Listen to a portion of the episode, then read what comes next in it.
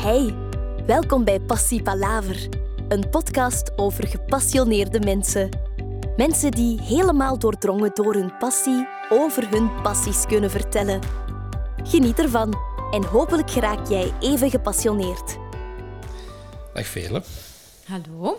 Ehm, ik kan je heel eerlijk voorstellen. Uh, ik ben in Sint-Niklaas geboren. Heb ik via Wikipedia opgezocht. Ehm, dan bent u eerst actrice geworden, als ik me niet vergis. Met enkele toprollen in Ons Geluk, als Leontien, in Windkracht 10 Ines. Heterdaad, Christine, Recht op Recht, de Chris Hagendoorn. Uh, Spoed, Andrea Leroy. Wietse, terug Chris Hagendoorn en een en andere rol. En dan Sarah Louise Asper. Uh, vriendinnen Eva Michiels, Gent West, Patsy van Lanker en in Ruppel Roos Missiaan. Mm En u bent de stem van de Humospot. Yep. Um, en. Sally in Cars. Ook. Yep. ja. um, daarna ben u met coaching begonnen, of was dat ook al terwijl u aan het acteren was? Uh, ja, dat heeft een stukje overlap gekend. Ah, oké. Okay. Uh, die heb ik dan ook ja, opgezocht op uw website. Uh, eerst de mindfulness aan het USA met Based Stress Reduction. Dan Root, ACC-coach, Grow, PCC-coach, Enneagram bij Ithaca. DISC MIDI gecertificeerd MDI, sorry, gecertificeerd trainer bij Insights, HDB, HBDI-trainer. Herman International Nederland, meditatietechnieken. Uh, search Inside Yourself bij Google. Breath to Heal bij Max Stroom. En NLP Practitioner bij Arcturus. En dan recent de Breathwork, breath, breathwork Master of Holotropic Breathing. Um, en dan ben maar als je het zo leest, ben ik onder een indruk, zeg. uh, ja, dus ik kan ervan uit dat een van de twee of beide uw passie is. Beiden, omdat ze allebei gaan over de mens. Ja. En eigenlijk is de mens mijn passie. Oké. Zo de roman van Gerard Waalschap, Ons Geluk, hè, opent met zo'n quote: De mens, je kunt er niet aan uit. En ik vind dat een heel mooi adagio. Hè. Uh, ja, je ziet mensen dingen doen, jezelf inclusief, en dingen denken en patronen waar je telkens opnieuw weer ja, inrolt en, en muren waar dat je tegenaan botst. Uh, en ik vind dat super fascinerend om dat te onderzoeken van oké, ja, hoe werkt dat eigenlijk, mens zijn? En hoe kun je dat beter mens zijn?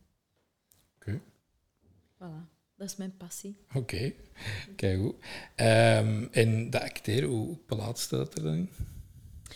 Ja, um, eigenlijk is het zo dat dus mijn, mijn, mijn mama had heel veel artistieke ambities. Nu, uh, zij is geboren in 1945, alleen of ze was geboren, want ze leeft niet meer. En in 1945, dus ja, zij was dan in 1965, alleen 63, 18 jaar. Ja, toen als vrouw al helemaal um, was het niet automatisch dat je verder ging studeren. En dan zeker geen creatief artistiek beroep zoals dat je zei, ben ik geboren in Sint-Niklaas. En toen, de blik van Sint-Niklaas naar Antwerpen was alsof dat Antwerpen aan de andere kant van de wereld lag. Mm. En was dat alleen maar rock en roll, gevaar.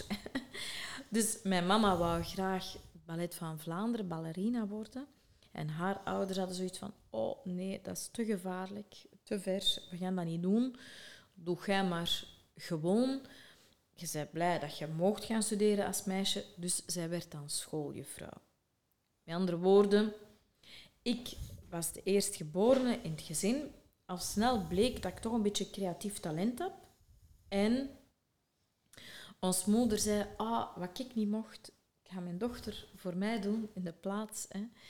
En zij juichte mij in alles toe, hè. gedichten. Ik, ik, ik heb dan op de, op de deeltijdse kunstacademie zo voordracht gestudeerd, mhm. toneel gespeeld hè. en uh, wedstrijden meegedaan op school, ook poëziewedstrijden. En mijn moeder was mijn grootste fan, maar wel ook een beetje met wat druk op van kom aan, hè, lees nog eens een gedichtje voor. Dus um, ja, ik had wat talent en zij heeft dat in ieder geval aangewakkerd en ook een stukje, ik zou maar zeggen, doorgegeven aan mij, dat ik iets, iets, iets deed wat zij nooit had uh, mogen doen. Mhm. Dus zij was heel blij toen, toen dat bleek dat er wat talent was. Ik hoorde later, als ik ging studeren, collega's die moeten vechten hebben om acteur te mogen worden. Bij mij was dat helemaal niet. Hè. Ik moest bij wijze van spreken vechten om geen acteur te worden. Hè. Dus ze had echt zoiets van, ah ja, bravo, doe dat maar, doe dat maar. En ehm, dat paste wel bij mij, omdat ik vind... En ik vond dat toen ook al, hè, mensen fascinerend, verhalen vind ik fantastisch.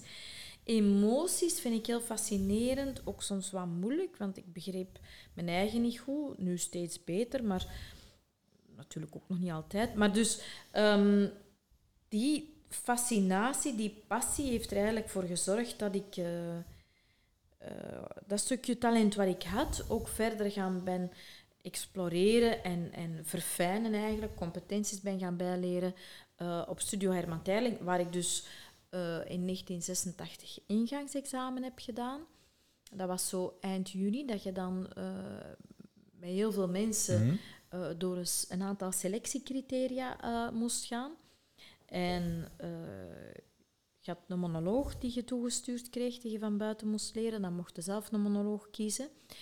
En dat was het eerste wat je moest doen als je daar ter plekke kwam. En als je daar dan door die goedgekeurd werd, dan kwamen er nog improvisatieoefeningen. En dan uiteindelijk was er een selectie. Wij waren met twee eigenlijk van de 60 of 70 mensen die door die mochten beginnen. Oh, echt? In het, ja, ja. En dan was er in september was er nog een groep, een grotere groep eigenlijk. Die deden, en daar hebben ze nog acht mensen. Dus we zaten in een klas van tien mensen eigenlijk. Kleine klas. Kleine klas. Ja. Toen was dat redelijk normaal op studio. Er waren niet zo heel veel groter. Er waren wat grotere klassen en een beetje kleinere. Maar een klas was daar nooit twintig mensen. Oh, nooit? Nee. Nee, dus er waren al strenge uh, proeven vooraf, uh, waar ze toch al filterden naar wie dat er mocht beginnen of niet. Ja. En daar zaten toen de grote acteurs van toen in die jury? Of? Uh, in mijn jury zat Jan de is toch okay. een meneer om u tegen te zeggen. Mita van der Maat zat er toen in. Onze directeur Alfons Schoris. Um, Alain Loafwig, dat was een danser van het ballet van Béjar. Eh, dus die was dan bezig hè, met dat non-verbale, die lichaamstaal. Later kregen we dan ook uh, les van. En ik weet niet meer uit er nog in de jury zat. Maar enfin, toch wel grote kleppers eigenlijk. Ja. ja. ja. Oké. Dus voilà, zo ben ik dan begonnen als acteur. En uh, ja, ik heb dan op Vlaamse en Nederlandse podia gestaan. Ik heb rollen gespeeld.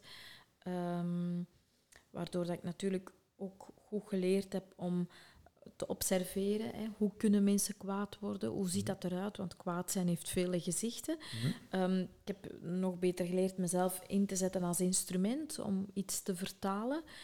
Um, ik heb geleerd te luisteren. Ik heb ook de dramatiek in een verhaal geleerd. En op een gegeven moment had ik zoiets van: oké, super.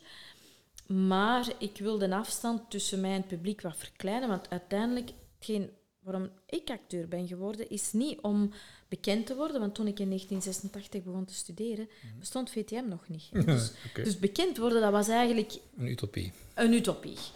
Je deed dat omdat je hield van het vak en omdat je iets wilt bewegen bij mensen. Hè. Je wilt die ontroeren, je wilt die doen lachen, je wilt die doen wenen. En je wilt dat na een voorstelling of na een film, dat ze naar buiten gaan zeggen, amai, nu heb ik iets gedacht, gevoeld, beleefd, dat ik daarvoor niet had beleefd. Het schoonste voorbeeld, denk ik, um, is, is uh, hij staat nu niet op uw lijstje, maar ik heb ook de, een rol gespeeld in de SM-rechter, waarin ik um, de rol vertolkte van de vrouw eigenlijk, mm Magda, hè, de, de slavin dan. En ik wist er ook niks van, van die wereld. Ik ben me dan natuurlijk in gaan verdiepen. En dan blijkt dat, en dat is ook wat mensen na de film zeiden, van, ah, eigenlijk is dat ook een manier om liefde te vertalen. Dat is niet hmm. mijn manier, noodzakelijk, maar ik zie wel, het klopt niet met hetgeen wat ik in mijn hoofd had. Hè. ik, ik zie dat het ook een manier is om mensen graag te zien. En dat is wat je wilt. Dat mensen, als je een film of, of een rol, gelijk welke rol speelt, dat ze naar huis gaan en, en iets en een perspectief verbreed is. Hè. Mhm. Andere opties zien, andere mogelijkheden zien, meer verdraagzaamheid, meer verbinding enzovoort. Ehm, dus op een gegeven moment dacht ik, ja, maar hoe kan ik nu mm, hè, mensen in beweging zetten, iets, iets, iets raken in hunzelf, hè, het perspectief verruimen, verbreden en toch de afstand tussen mij en het publiek verkleinen. Want op een podium, in het licht en de mensen in de zaal in het donker, je kijkt mensen niet in hun ogen. Je ziet niet wat je beweegt. Nee. Hè. En ehm, dus dan ben ik mij gaan informeren van oké, wat kunnen we doen? Kun psychologie of therapie studeren? En toen was er iemand in mijn kenniskring die zei, ah ja, maar ik ben iets aan het studeren, live en mental coaching. Ik had er nog nooit van gehoord. We spreken 2008. Nu plaveien ze de straat Ja, ja. met mental coaches, maar toen helemaal nog niet. Hè. Dus ehm, ik zeg, ah, vertel een keer. En er is een overlap met psychologie. De menselijke psyche is natuurlijk ook waar wij mee werken, maar ook de werking van ons brein. Hoe werken gedachten? Eh, hoe is ons brein geprogrammeerd? En toen dacht ik, ja, oké, daar is iets waar ik iets mee wil doen. Niet zozeer naar de ziekte toe, hè, want psychologen gaan dan naar stoornissen, pathologieën.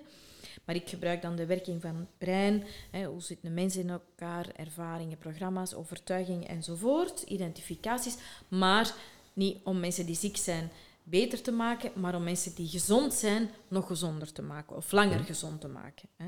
En ik moet u niet vertellen dat er nu veel vraag naar is, want heel veel gezonde mensen voelen toch een hoop spanning en voel- voelen hè, in bedrijven burn-out, bore-out enzovoort. Ehm, dus voilà, wat ik in 2008 ben begonnen om te studeren en in 2009 afgestudeerd, is nu iets ja, wat ik met heel veel plezier eh, iedere dag inzet om het een beetje lichter te maken voor een hoop mensen. Oké. Eh, en het heeft de naam Ademruimte meegekregen. Mhm. Van waar die naam? Wel, ehm, zoals ik al zei, er zijn heel veel coaches. Eh, laten we ons nog geen oordeel eh, gebruiken, niet goed of niet goed, maar er zijn coaches van verschillende opleidingsniveaus. Laat het ons zo zeggen.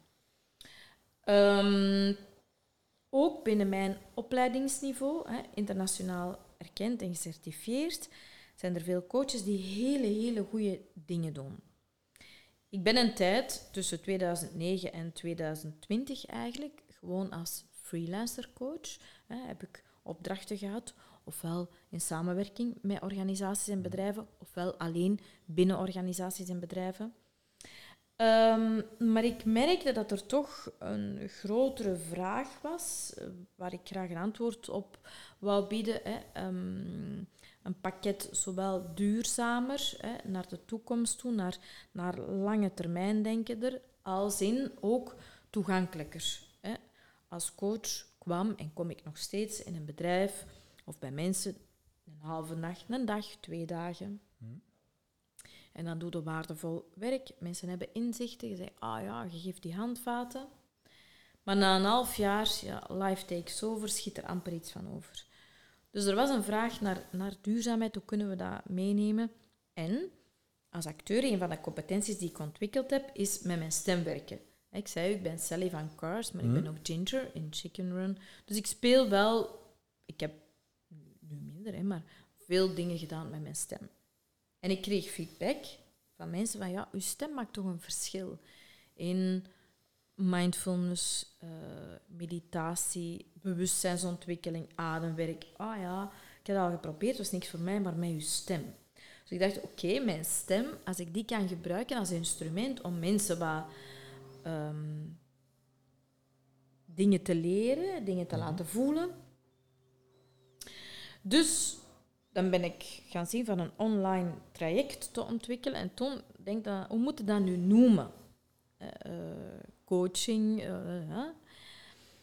En het was eigenlijk begin van de pandemie.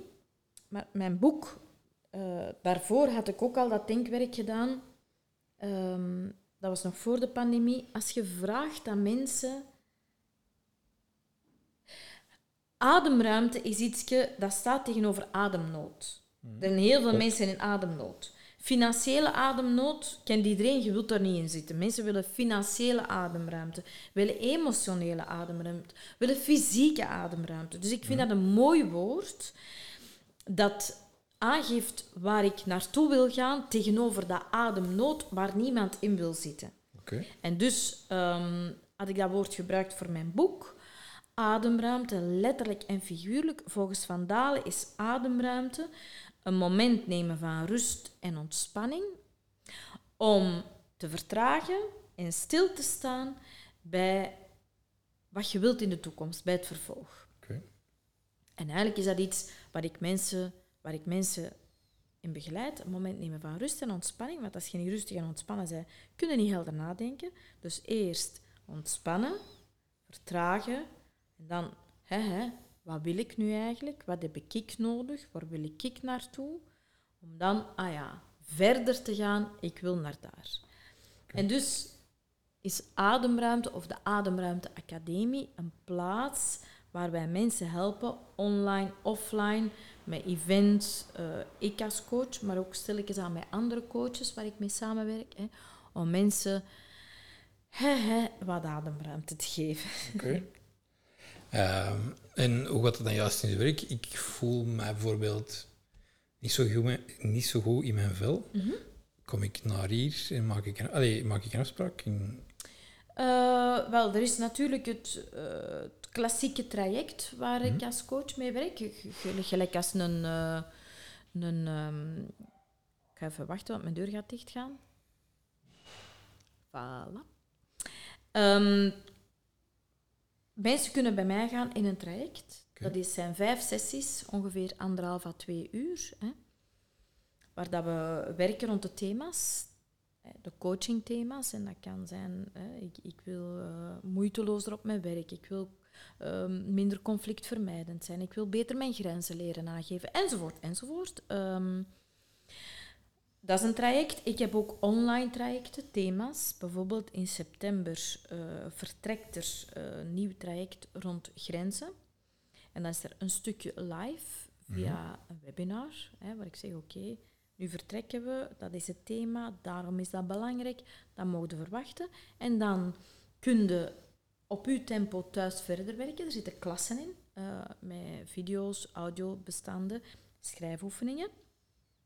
En op het einde daarvan is er weer een moment samen, een webinar, waar je zegt, oké, bon, wat heb je nu geleerd, hoe ga je dat implementeren? Dat zijn trajecten dan, die zijn langer.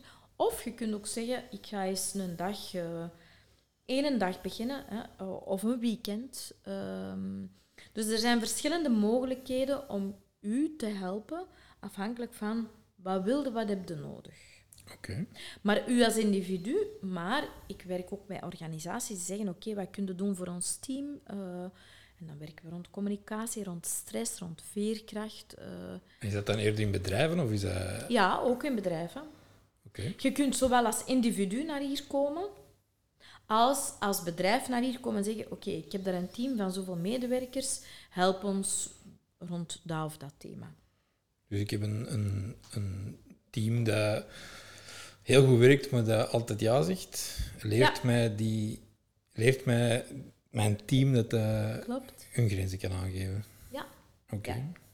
Ja, dat is, dat is een mooi voorbeeld. Dat is iets waar we dan eh, een opleiding rond doen. Van oké, wat, wat, wat is dat eigenlijk? Hè? Waarom zeg je ja? Wat zijn grenzen? Wat betekent grenzen? Wat is het voordeel van je grenzen te kunnen aangeven? Wat is er moeilijk grenzen te kunnen aangeven? En dan, als je met je team naar hier komt, of ik ga naar daar, hè, dan ehm het is altijd interactief. Ik, ik geef een hoop theorie en kennis. En ik laat de mensen ook stilstaan bij wat, wat is er voor mij precies moeilijk. En dan is er een stukje, en dat is het schoonste stuk, vind ik, omdat ik dat het liefste doe, van als mensen dan gaan spreken met elkaar en durven luidop uitspreken van dat is er voor mij moeilijk. En dan zien wat doet dat met de groep. Hè. In, de, in de principes van de deep democracy is hetgeen wat dat moeilijk is, wat onder het wateroppervlakte blijft, waar weerstand op zit, dat zijn juist de leermomenten. Dus om die dan boven water te halen, en dat is heel vaak nodig dat er iemand professioneel zoals ik bij zit, omdat het anders te onveilig is en dat je misschien direct een ja-nee verhaal en, en, en gelijk willen hebben. Hè. Maar wij hebben natuurlijk geleerd om processen te begeleiden, om ruimte te maken, zodat iedereen daarin kan vertellen, gehoord wordt, maar de ander ook daarin gehoord wordt. Dus dat zijn heel schone dingen die je samen met teams kunt doen. Ah, Oké. Yep. Eh, om nog, nog heel even op uw acteercarrière verder te gaan, Ja? of eh, nog een paar, gelijk dat ik juist heb gezegd, altijd vol bewondering. Ehm allee, loop ik in de wereld rond. Ehm heb je een rol die je zegt, maar deze is de, ja, ik noem dat altijd de coolste rol die je ooit hebt gespeeld, of de, of de meest, eh, de rol die een beetje is blijven kleven, waar ik moeilijk vanaf geraakte, of, of heb je zo van die rollen gespeeld? Of vindt u, wat vindt u zelf? Ehm, hmm. Het was natuurlijk wel zo, de rol waar ik het net over had, zo in de SM-rechter, Mhm. dat dat wel een... eh, hmm, misschien de pittigste rol was, omdat dat in een, in een leefwereld die ver van mij afstond, enerzijds. Eh, anderzijds die ook veel eh, fysisch van mij vroeg, maar ook emotioneel. Ehm, en Jean Bervoets was mijn tegenspeler. Nu, gelukkig, wij kenden elkaar al lang en ook redelijk goed, zodat dat heel veilig was. Maar dat doet iets met een mens om eh, zo goed als naakt op een set te staan. Want, want er staat er natuurlijk niet alleen, hè. er staat een ganse ploeg rond. Om dan afgeranseld te worden. En ehm, ja, dat, dat, daar waren momenten dat ik dacht, oh my god, help, hoe krijg ik deze emotioneel geregeld? En ehm, het was heel fijn dat Shine er was, dat we dat echt samen konden doen, want hij heeft ook grenzen moeten verleggen.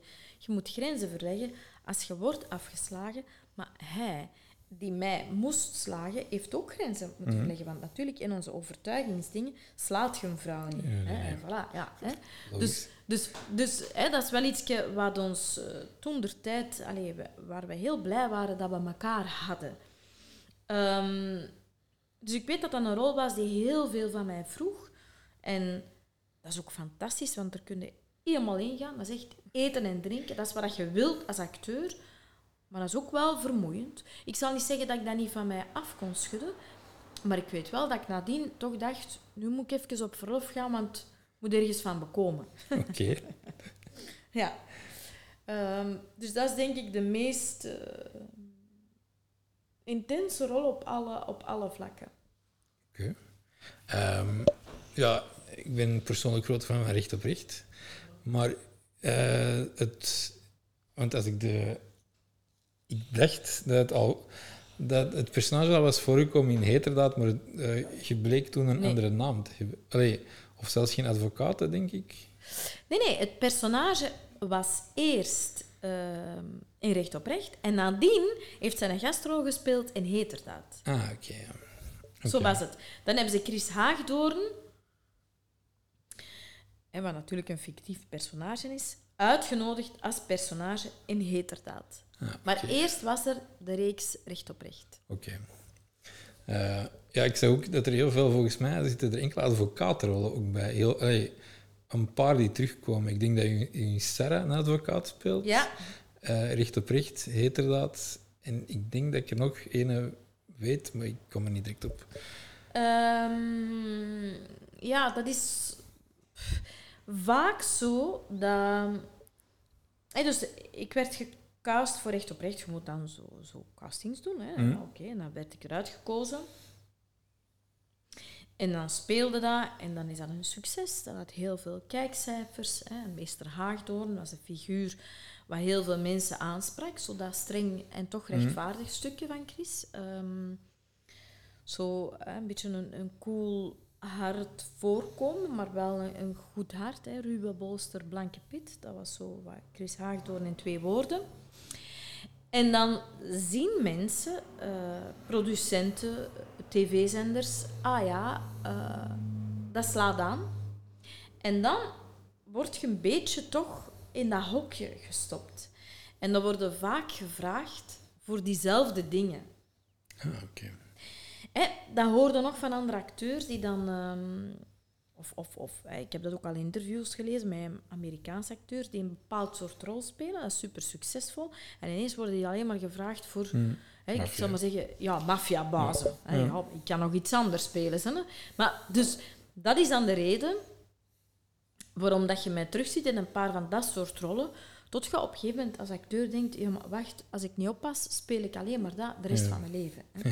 Dus ehm, dan is het belangrijk om, om te zien... Hè, ik heb bijvoorbeeld een eh, romantische komedie ge- gedaan, Smoor Verliefd. Ja. Ehm, dat was de eerste keer dat ik ook zo... Allee, geen platte komedie of, of geen, hè, alleen maar komedie, want ik ben geen komisch acteur, dat is een specifiek soort timing en zo.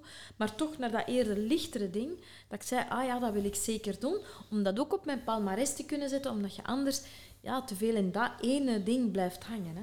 ja. Dat was dat je nogal snel ver- eh, verliefd werd op een man, was dat niet? Dat je de dochter Ja, was, maar uw, eh, nee, uw dochter was... eh, ik weet... Normaal gezien ben ik heel goed met Marie acteurs. Vink speelde mijn dochter. Ja, maar ook u, de andere was er ook bij, eh, maar die speelt niet meer zoveel. Je had er een die samen ging met Kevin Janssen, je had er een die samen ging met een de vriend van... Winnie Dirks. Ja. ja. Klopt. Maar Winnie Dirks speelt nog wel, maar in Nederland, vooral theater. Zo. Ah ja, ja. oké. Ja, ja, ja. Ja, ja, en wel, ja. Dus dat was... eh, ah, ik weet zelf wel niet meer hoe dat in elkaar... Ik had mijn dochter, maar ik had ook mijn zus. Winne was toch mijn zus, denk Ja. ik. En Marie was dan mijn dochter. Ja. Ja, Ja. En ja voilà. Ja. dus ja, nee, dat was... eh, ja. Ehm, om dan terug terug te gaan naar uw coaching. Ja. Eh, u doet ook weekends, Yep. want ik ken iemand die er aan meegedaan heeft. Ja. Eh, wat houden die juist in? Ehm, wel, ik vind het echt... Ik zou... Ik hoop dat ik de rest van mijn leven niks anders mag doen dan wat ik nu doe. Namelijk mensen van een punt brengen van A naar B. En waarin dat B eh, wat meer ademruimte, wat lichter is, wat, eh, wat meer gewoon jezelf zijn en het is goed genoeg. En wij zitten gevangen in heel veel moetes. Er is heel veel druk. We vinden dat we dat moeten doen en dat is niet goed en dat is dit en dat is dat. En ik heb gemerkt uit eigen ervaring, want natuurlijk investeer ik ook zelf, je hebt ze gelezen, in veel opleidingen. En iedere Mhm. opleiding, bijvoorbeeld de laatste die ik gedaan heb in juni, was met de fantastische Amerikaanse Peggy Dillon, dat holotropic, eh, holotropic breathing. Ehm, gebaseerd op, er is een verband tussen longen en emoties. In, eh, in onze preverbale fase als kind, hè, één jaar, allee, van 0 tot ongeveer 3. simpele dingen, je bent als kind aan het spelen ehm, met blokken. En je denkt, oh ja, dat is plezant. En ineens komt er een spinnetje aangekropen. En als kind denkt, oh leuk, dat is een speelgoedje dat beweegt. Hè. En dan komt op je hand en je denkt, oh, dat is, oh zie, dat kriebelt, dat is leuk. En je moeder komt de kamer binnen, die ziet een spin en die krest alles bijeen. Hè. Als kind denkt, my wow, je krest gewoon mee, je weet niet waarom. Hè. Je hebt ook geen woorden om uit te leggen en je moeder aan u ook niet dat zij eigenlijk schrik heeft van die spin. Dus er zet zich iets vast in je lichaam, een angst hè, naar iets wat je eigenlijk niet goed kunt uitleggen, wat je ook niet goed begrijpt. En als een kind weent, en een volwassene ook, wat zit dat in dat bovenste stuk van onze longen? Hier. Hè. Dus er zit wat trauma vast. Ehm, een trauma dat zich vastzet.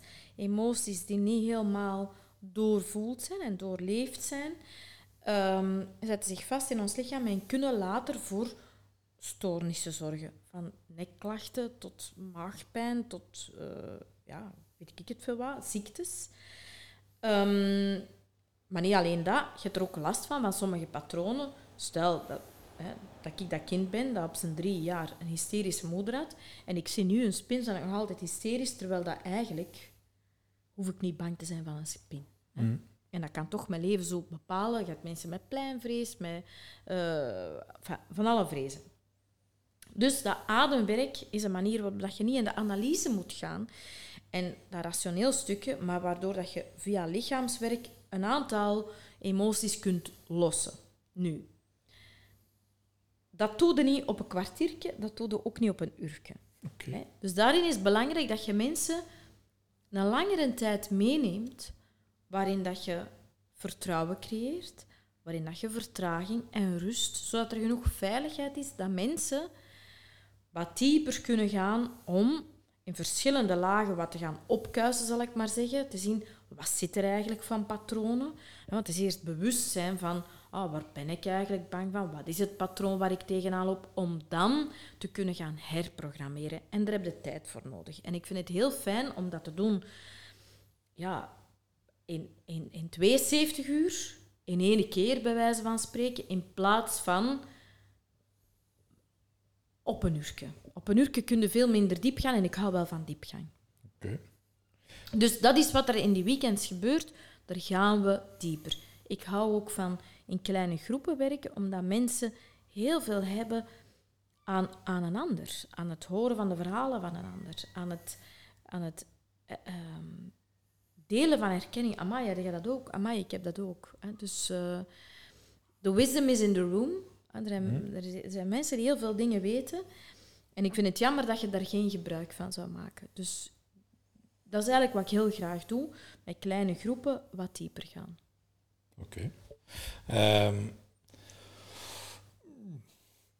even denken. Ehm, ja, ik...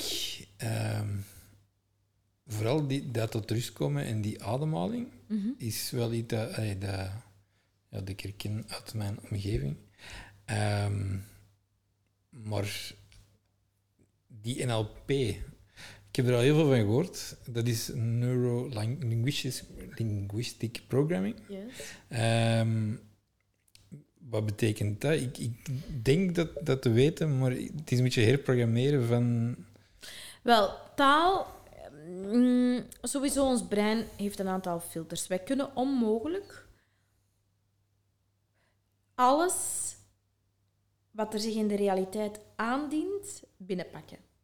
Ik kan niet alles horen wat er te horen is. Ik kan niet alles zien wat er te zien is. Ik kan niet alles ruiken, voelen, proeven wat er te is. Dus dat wil zeggen, ons brein filtert. Ik hoor in uw vraag een aantal dingen waar ik iets mee kan. Hè, Stel, jij gaat met je partner op vakantie. Je hebt een week waar je 24 uur per dag samen doorbrengt. Waarin dat je dezelfde dingen doet. En toch hebben jullie een andere ervaring. Mhm. Sowieso. Hè. Je kunt naar een feest gaan samen en de ene zegt, amai, dat is geweldig. En de andere zegt, amai, wat een kutfeest was dat. Hoe komt dat? Omdat de realiteit hè, wordt gefilterd door de programma's in ons brein. Die programma's hebben te maken met cultuur, met opvoeding, enzovoort, enzovoort.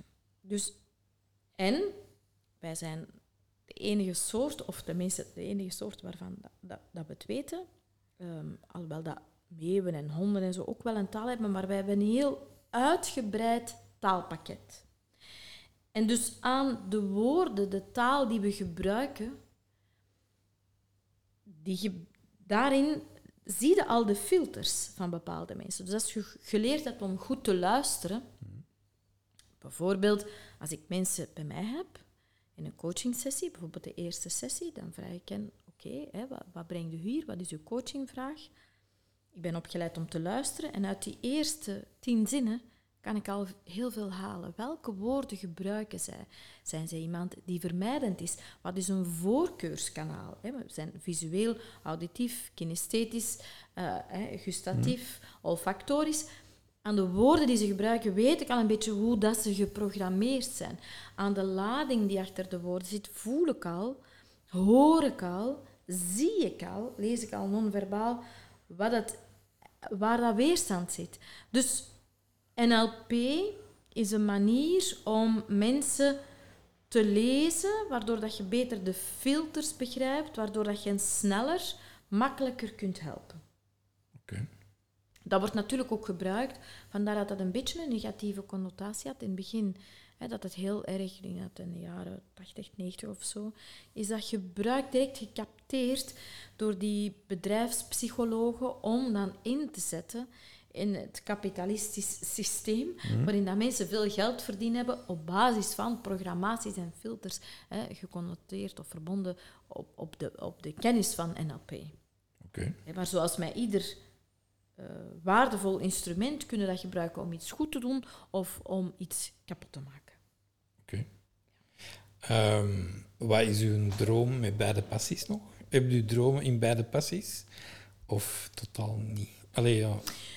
Is er ja zeker en vast wel. Ehm, qua acteren heb ik geen dromen meer. Ik ben, ik ben een speler en ik speel, ik zal altijd spelen en ik speel nu binnen deze professionele context. Met mensen, eh, in online trajecten vind ik het leuk om met woorden te spelen, verhaaltjes te delen enzovoort. En alles wat ik live doe met mensen of live online, hè, ehm, speel ik met perspectieven, met gevoelens. Dus ik kan daar heel veel van alles wat ik geleerd heb in kwijt.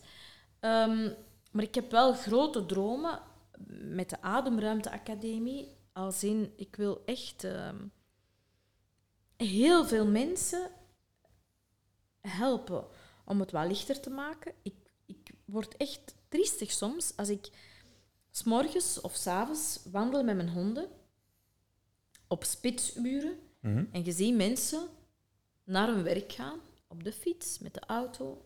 En je ziet naar die hun gezichten. Of je ziet hoe dat ze doen tegenover elkaar. Dan denk ik, oh man, en jij moet nog beginnen aan je dag. Ah. En je ziet er nu al zo triestig of kwaad of geagiteerd uit. En dus, ehm, van mij mag er veel minder oorlog zijn, ook in hoe mensen doen tegen elkaar. En ik wil daar echt mijn steentje toe bijdragen via de Ademruimte Academie.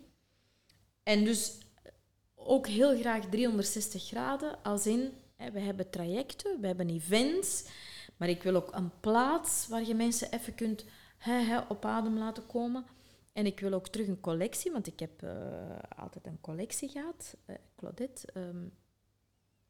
Ik wil ook mijn collectie met notitieboekjes, met eh, voorwerpen, met kaartjes, whatever, dat mensen zo een beetje liever, een beetje milder, een beetje zachter in de wereld staan. Dus binnen vijf jaar eh, wil ik, is het mijn droom om met de Ademruimte Academie echt eh, de plaats te zijn waar mensen zeggen: Oh, amai, als je dat niet kent, loop daar hard naartoe, want daar vinden alles wat nodig is om zo oef, een leuker leven te leiden. Oké. Voilà. Wat een droom! En zie je zelf nog obstakels daar naartoe? Of dat is een vraag die mij ingefluisterd is. Ja, ik zie daar wel obstakels als in. Ehm, twee. Eén. Er zit nog altijd een taboe van kumbayanus rond persoonlijke ontwikkeling en zelfbewustzijn. Mhm. Waarom zou ik daarmee bezig zijn? Ja, eh, de, waarom niet? Allee, je investeert in, in, in, in je boekenkast, in je ijskast, in je kleerkast, maar je investeert niet in je eigen. Dat moeten mij eens uitleggen. Waarom willen mensen alles kennen behalve zichzelf? Echt waar. Hè, bon. Dus, maar, dus de kumbayanes wil ik er vanaf. Dat is één. En ik ben ook helemaal geen kumbaya-mens. Ik ben hoofd in de wolken. Ik hou van bezieling. Hè. Ik hou van passie. Ik hou van bevlogenheid. Ik hou van rare dingen. Ik heb ooit bloemkool gespeeld op Studio Herman Terling. Maar ik hou ook van die voeten op de grond en die Vlaamse klei. Hè. Doe me gewoon praktisch even hands-on. Ehm, en anderzijds, het andere obstakel is... Er zijn heel veel coaches, wat heel goed is, want er zijn heel veel mensen die in de knoop zitten. Maar het is natuurlijk wel zo dat je een manier moet vinden om echt heel goed te vertalen waar wij dan met de Ademruimte Academie voor staan en waar mensen bij ons voor terechtkomen en niet bij een ander. Dus voilà. Binnen vijf jaar wil, wil ik nog bestaan, want ik weet zeker dat er een hoop coaches van tussen gaan. Dat is in iedere vak zo. Hè. Er studeren ook veel meer acteurs af dan dat er tien jaar later nog aan het werk zijn. Hè, er studeren nu heel veel coaches af die binnen tien jaar niet meer allemaal aan het werk zullen zijn. Ik ben er nog. Oké. Nu, bon, ik ben altijd al een volhouder geweest, dus dat is het goede nieuws. Hè. Ehm, en dan had ik, dat was dan nog een extra vraag die ik zeker moest stellen, blijkbaar. Ehm, vind, ehm, ik weet niet hoe dat ik ze moet stellen, dus ik kon waarschijnlijk even broddelen. Ja, bron. Ehm, het was iets met mannen. dat de mannen moeilijk de Ja, ja, ja. ingang vinden. Ja, ja, ja. Mhm. En Ja, wel, maar dat is een vraag. Hm, dat is een soort van reality check. Hè. Wij zien gewoon dat er veel meer vrouwen dan mannen naar ons komen. Behalve ehm, als je vanuit de ondernemershoek heb ik hier soms private tables die geboekt worden. Hè, want de tafel van Veerle is een van de concepten. En die komen dan uit netwerkdingen. en eh, vanuit het netwerk zijn mannen nog wel wat actiever en proactiever. En dan, eh, dat, dat- daar is het meer mannen dan vrouwen. Maar daarnaast is het toch meer vrouwen dan mannen die naar hier komen. Dat is jammer, want in de realiteit blijkt er nog altijd in hoge functies, toch wel binnen de organisaties, veel meer mannen dan vrouwen. En ik geloof ook, vandaar dat ik zowel naar individuen als binnen organisaties werk, in organisaties is het ook belangrijk dat die shift gemaakt wordt naar dat mensgericht leiderschap. Hè. En ehm, dus ik wil daar meer mannen voor warm maken. Maar bon, jij zit hier, je bent een man. Ja. Wat is, wat is volgens u hetgeen dat mannen tegenhoudt om te investeren in, in, hierin? Ehm, het macho-antwoord is ehm, omdat u geen man bent, denk ik. Ah ja. Ja. Ehm, maar dat is het macho-antwoord, denk ik. En niet dat ik dat ben, maar als ik, eh, ik... Ik ben zelf ook al... Ik heb al enkele psychologen gehad. Ik heb vrouwen gehad. Ik heb eh, twee vrouwen gehad, één man gehad. Uh-huh. Ehm, ja, en mij trekt dan eerder ofwel ehm, een ervaring van iemand anders eh, die daar naartoe is geweest, of de site. Omdat ik nogal ja, online dat Ja. opzoek. Eh je hebt nogal heel veel sites waar je van denkt, hm, daar ben ik niet klaar voor. Allee, daar ben ik niet klaar voor van, Ja, wat je zelf zegt, van het, het kumbaya Ja, ja, ja. eh, gehalte op die site Ja. is nogal hoog. Mhm. Ehm, dus liever niet. Als het een site is die echt ja, ehm, zegt van oké, dit is... allee, de hand, ik ben meer voor de hands-on van oké, Ja, ja. en dat moet ook dadelijk naar boven komen. Ehm, ik heb me ook al vergist, dan, want de man die ik heb gehad was niet... Allee, vond ik niet goed, zal het anders zeggen. En dan de uiteindelijke goeie was dan de vrouw. Allee, was een vrouw, een van de drie. Ehm, dus daarom. Allee, Mhm. dat is eerder iets dat mij zou tegenhouden of zou... En waarom zeg je het macho-antwoord is omdat, die, omdat ik geen man ben? Denk je dat mannen eerder van mannen iets aannemen? Ik denk het wel. Mhm. Ja, ja. Allee, d- allee, ik kan niet voor mezelf spreken, want like dat ik zeg, ik heb twee vrouwen en een man. Tuurlijk. Ja. Ehm, maar ik denk dat het macho-antwoord bij de meeste mannen is... Ja, moet je nou over... Tegen wie moet je daar nou over vertellen? Ja, ja. Een vrouw. Ja, gaat die mij helpen? Wat kan je nou doen? Die snapt me niet. En dat zijn, Ah, de- ja, denk, ja, ik- ja, ja, ik ja. denk dat dat eerder de antwoorden zijn die zo Ja. naar boven zouden komen. Dat is, dat is het enige dat ik kan zeggen. En, en ehm, hoe, hoe denkt jij dat de meeste mannen staan tegenover kwetsbaarheid? Ehm, ik denk dat de meerderheid nog altijd ehm dat niet graag Mhm. open zit. Daar denk ik ook dat wel het schoentje nog wat wringt. Hè? Dat er makkelijker vrouwen in kwetsbaarheid gaan, omdat vrouwen en emoties nog min of meer toch getolereerd wordt en mannen en emoties misschien nog moeilijker is. Hè? Ja, er is een filmpje nu dat ik circuleert, denk ik, op de sociale media. Allee, of op de sociale media waar ik, die ik zie. Eh, is dan een MMA-fighter, dus een, een, eh, ja, een Ultimate Warrior, zo in de cage fighting. Eh, die zegt van ja, ik, ik, die wint een gevecht en die zegt ja, ik draag deze gevecht op aan mijn maat is overleden. Maar hetgeen dat ik liever had gedaan was dat je kwam uithalen op mijn schouder dan in plaats van dat ik morgen naar je begrafenis moet komen. En dat hij gewoon ook zegt van ja, durf erover te babbelen als je slecht voor durft. Hè. En dat is dan zo'n eh, dat is dan een, een macho. Die zegt van ja, hey, ik, ik ga liever een avond met je op café, is goed, allee, te samen goed blijten, dan dat ik naar je begrafenis moet komen, omdat het zo hoog zit is. Dat, dat het einde is. En, en dat is... Ja, maar ik denk dat dat nodig is. Er is ook zo toch een campagne hier geweest, kom uit je kop, omdat eh, drie op vier suicides door mannen gepleegd worden. Mm. En dan zag je zo'n filmpje, twee mannen in de carwash. En ze zwegen, maar je zag zo de tekstballonnetjes van hun gedachten. En de ene zei, dacht van... ehm oh, is weer zo stil, moet ik nu iets vragen? En de andere eh tekstballonnetje was van... "Oh, ik hoop niet dat hij iets vraagt, want ik wil eigenlijk niks zeggen.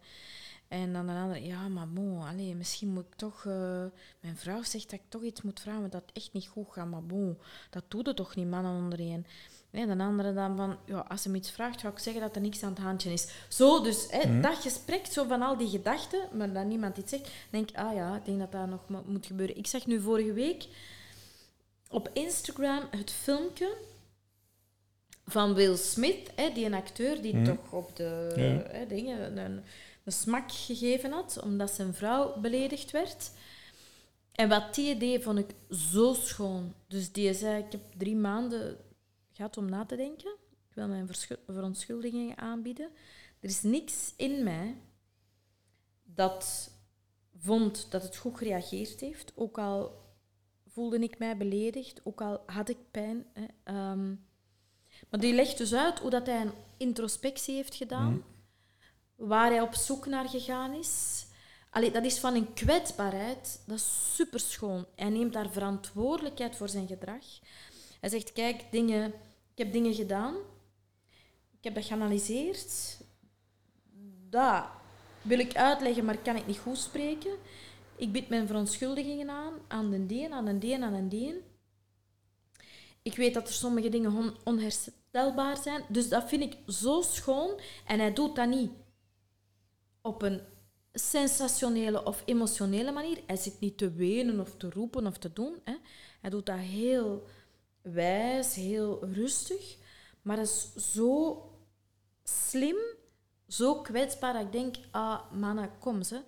Kijk daar allemaal maar eens naar. Ook hè, de mensen hier die, ehm, die soms dingen doen, waar dat ze dan achteraf proberen gedrag goed te praten. Terwijl je mocht ook zeggen, ik ben een mens, ik heb iets gedaan waar ik niet fier over ben. Ehm, ik wil me daarvoor verontschuldigen. Dat mag, hè. Wij mogen allemaal fouten maken en we mogen daar verantwoordelijkheid voor nemen. Dus dat vind ik zo schoon dat Will Smith, want dat filmpje duurde echt een paar minuten, daar als voorbeeld wil gaan staan voor de hele wereld, hoe dat je als man heel kwetsbaar kunt laten zien dat je fouten hebt gemaakt, dat je spijt hebt, dat je berouw toont. Dat is echt wauw. Absoluut. Heb jij het ook gezien? Ja, ik heb het gezien. Ja, Schoon, hè? ja, ja het is heel schoon. Ehm, ja, ik denk dat we bij ons laatste vraag aangekomen zijn. Ehm, wie vindt u een super gepassioneerde mens en moet zeker geïnterviewd of gehoord worden? Wel, ehm, er zijn er veel. hè. er zijn veel mensen met passie. En toch, het is niet... Want soms heb ik dat in mijn coachingwereld, of zelfs een van mijn dochters, die zoiets van, ja, mijn passie, mijn passie. Ik loop ik altijd maar te zoeken achter mijn passie. En wat als mijn passie nu niet zo groot is? Kijk, voor mij is al lang in mijn leven duidelijk geweest. Ik had een passie over verhalen van mensen vorm te geven en ik stond op een podium. En ik kreeg daar veel applaus voor. Maar op een gegeven moment ga je van dat podium af en dan zie je dat mensen wat teleurgesteld zijn, want je bent niet meer bekend. Je doet maar iets gewoons. Hè? Maar ik doe iets gewoons met heel veel passie. Dus ik vind het belangrijk in het passieverhaal dat wij ook gewone levens met gewone passies, zonder dat die op tv komen of de Olympische Spelen of de Voice van Vlaanderen winnen. Hè. En in die zin ehm, wil ik graag mijn zus nomineren. Oké. Eh, dan, dan gaat er wel naar Sint-Niklaas moeten gaan, want zij woont daar nog. Die voor mij, allee, van een passie, eh, hè, die is, die is eh, kine- hoofd van een kine in een ziekenhuis op de oncologieafdeling. Dus die heeft wel wat verhalen van mensen. Maar daarnaast is ze als vrijwilliger heel erg bezig met Think Pink en, en van alles te organiseren voor mensen. En ze is ook bezig met, eh, eh, eh, via Herbalife met van alle shakes en zo. Maar dus van ochtend tot avond zie ik die een passie aan het werk. En voor mij zijn voorbeeld voor veel mensen die misschien niet nogmaals op tv komen of medailles winnen, maar die hun leven leiden vanuit een, een passie, wat ik super, super uh, inspirerend vind. Oké. Okay. Voilà. Kijk hoe. Bedankt voor uw tijd, Veerle. En hopelijk vond het een beetje aangenaam. Absoluut, absoluut. Ik vertel graag over mijn passie. Hè. dat, dat wist ik een beetje op voorhand. Voilà. Dank je wel. Bedankt voor het luisteren naar Passie Palaver, de podcast. Hopelijk hebt u ervan genoten. Je kan ons altijd volgen op Instagram, het Passiepalaver-podcast. We zijn bereikbaar op www.passiepalaver.be. En als er suggesties of opmerkingen zijn, kan je altijd mailen naar passiepalaver.gmail.com.